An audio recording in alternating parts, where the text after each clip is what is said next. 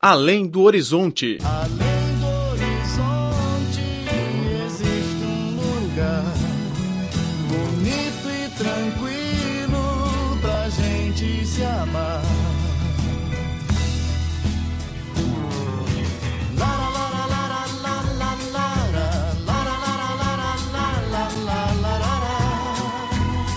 Olá, caro ouvinte, bem-vindo a mais uma edição do Além do Horizonte. Sou Laura Lee. As pessoas com deficiência física, apesar de apresentarem algumas limitações de mobilidade, não lhes falta o espírito pioneiro e de exploração. Com o treinamento técnico e apoio de empreendedorismo fornecidos pela sociedade, elas podem competir mesmo com as pessoas comuns no mercado de trabalho. Hoje vamos contar a história de Yan Changyu, o gerente de uma empresa de serviço de saúde na cidade chinesa de Yichang. Yan Changyu foi o gerente de uma empresa financiada pelo governo que produzia eletrodomésticos. Durante os anos 90 do século passado, quando a economia chinesa passou do modelo de planejamento para o de mercado, a empresa, que acolheu mais de 600 pessoas com deficiências, entrou na falência em 1997 por não conseguir se adaptar às novas competições. Depois da falência da empresa, Yan Changyu se acusou da oferta de liderar uma casa de acolhimento e optou pelo caminho de empreendedorismo. 当时啊，市委、政府都跟我有安排。 O governo me ofertou para ser diretor de uma casa de acolhimento. Eu recusei. Por quê? Porque se eu fosse lá, como seriam os 620 trabalhadores com deficiência? Quem iria lhes buscar um novo emprego? Na primavera em que a empresa entrou na falência, Yan Changyu e sua esposa foram para o Hospital de Massagem de Beijing aprender as técnicas de massagem e a teoria da medicina tradicional chinesa. No final de 1998, com o auxílio da Associação das Pessoas com Deficiências da cidade de Yichang, o casal abriu o salão de massagem Bunaider. No entanto, a lojinha foi frequentada por poucas pessoas no início da inauguração. Para atrair mais consumidores, Yan Changyu e seus empregados foram ao parque Binjiang tentar a sorte entre as pessoas que faziam exercícios. Para cada serviço, eles cobraram apenas 3 ou 5 yuans, cerca de 40 ou 70 centavos americanos. Fizeram também massagens gratuitas só para ter um efeito de publicidade. Yan Changyu sempre exigiu que seus empregados tratassem os consumidores com um sorriso, porque sem sorriso não se abre um negócio. Após os esforços de um ano, o salão de massagem Bunaider ganhou cada vez mais fama entre os consumidores. Conhecendo a loja por ocasião, o senhor Ren decidiu levar o seu irmão mais velho, que sofria de protrusão discal lombar e não conseguia andar sem auxílio de outros, para o salão de massagem. Depois de uma semana de tratamento cuidadoso, o irmão de Ren voltou a andar flexivelmente. A novidade se espalhou um de outro e trouxe mais clientes para a loja de massagem Bunaider. Até o momento, a marca já possui cinco cadeias, com um pessoal de 163 empregados com deficiências. Após o sucesso de empreendedorismo, Yan não esqueceu outras pessoas deficientes.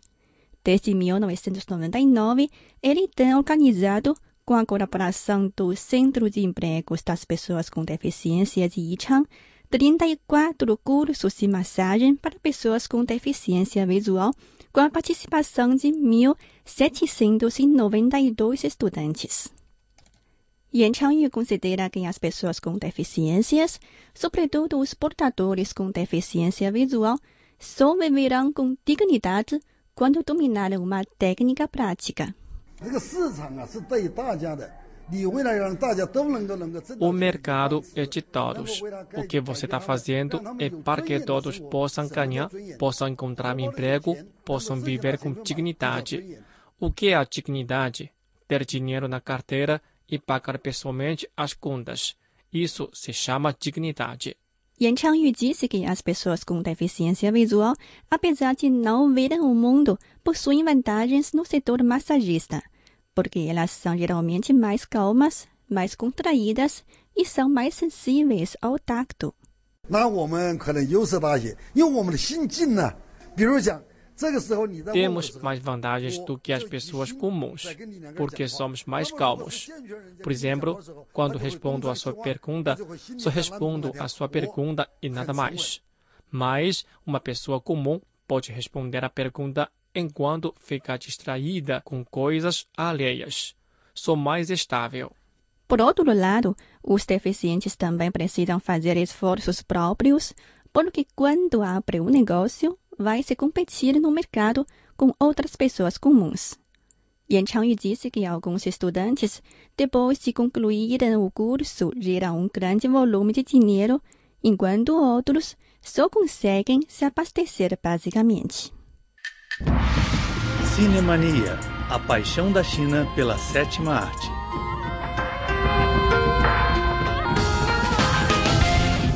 Nesta edição do Cinemania, gostaria de apresentar um filme chinês que relata o tema sobre a guerra antifascista em homenagem às vítimas da guerra. O filme se chama Cereja Vermelha, ou seja, Red Cherry na sua versão inglesa, produzido pelo diretor chinês Ye Da-yin em 1995, meio século depois do fim da guerra.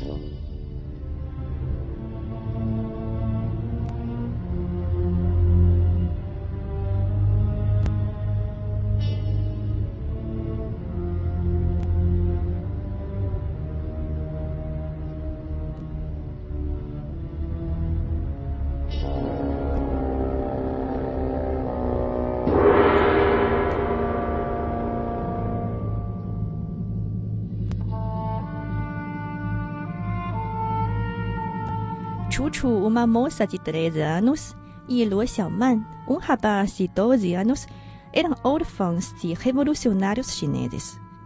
Em 1940, eles foram enviados para a Casa Internacional de Crianças nas imediações de Moscou, instituição que abrigava os filhos dos chefes dos partidos comunistas. Nesse lugar, os dois jovens chineses fizeram amigos de outros países e passaram alguns dias alegres, até a chegada do dia 22 de junho de 1941, quando os nazis alemães invadiram o lugar onde as crianças realizavam o acampamento de verão. Os jovens tornaram-se reclusos do nazismo.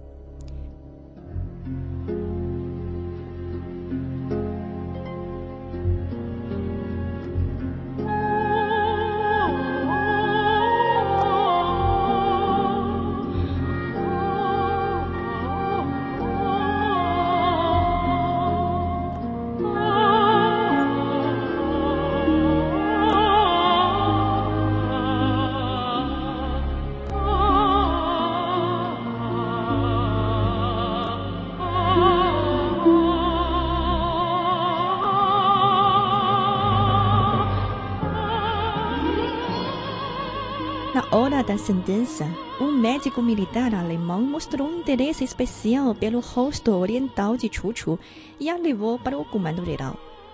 Inesperadamente, Chuchu foi bem tratado pelos militares alemães. Um dia, o segredo veio ao público. Ela e outras meninas vão ser objetos artísticos do médico alemão que tinha o hobby de fazer tatuagem no corpo humano. Numa festa, um militar alemão forçou uma menina russa a tirar as roupas para mostrar as tatuagens aos convidados. Quando as pessoas começaram a tocar nos desenhos do nazis tatuados na pele dela, a menina estremeceu e gritou.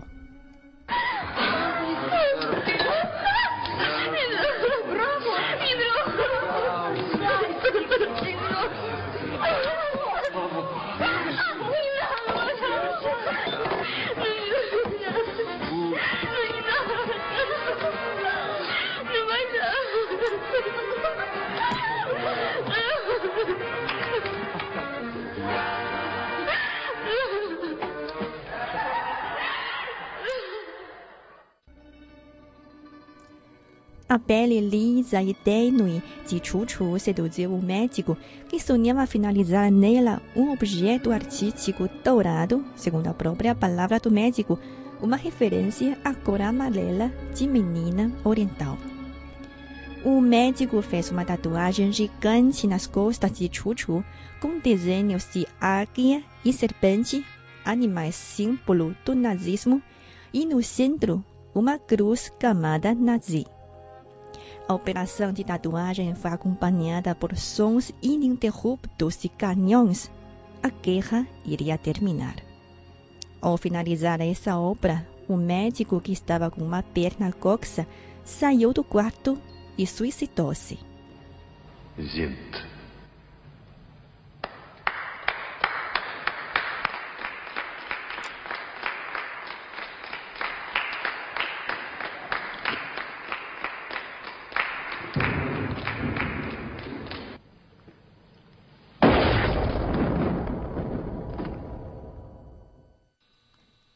A guerra terminou, mas as cicatrizes permaneceram para sempre. Chuchu teve que carregar para sempre nas suas costas os símbolos do nazismo. Na casa de acolhimento, Chuchu se recusou a tomar banho. Quando as enfermeiras lhe forçaram a tirar as roupas, todas ficaram chocadas pelo emblema militar alemão nas costas de Chuchu.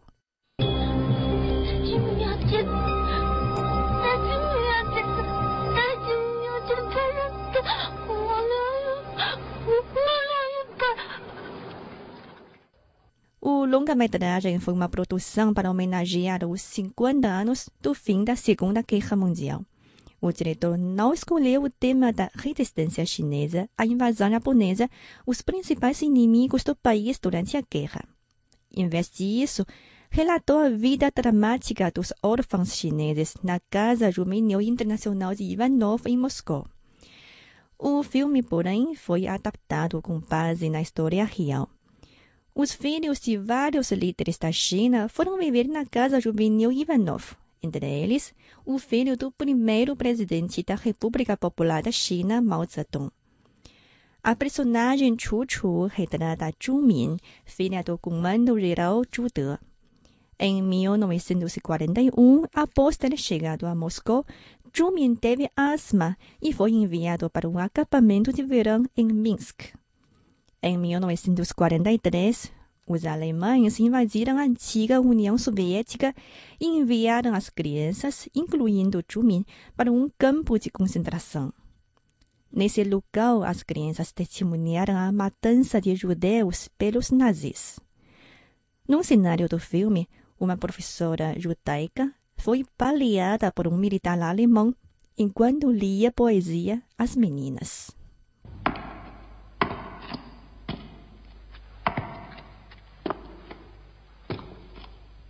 Под ним струя светлей лазури, Над ним луч солнца золотой, А он мятежный просит бури, Как будто в бурях есть покой.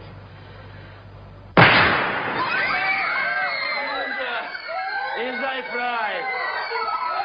Spiel Basketball! Outra personagem do filme, o moço Luo Xiaoman, ajudou um carteiro velho a enviar os anúncios referentes à morte dos soldados. Onde quer que eles fossem, estava sempre cheio de angústia e de lágrimas. Devido ao seu ódio pelos nazis, o jovem acabou por acender os barris de óleo, pondo fim à própria vida, juntamente com a dos inimigos.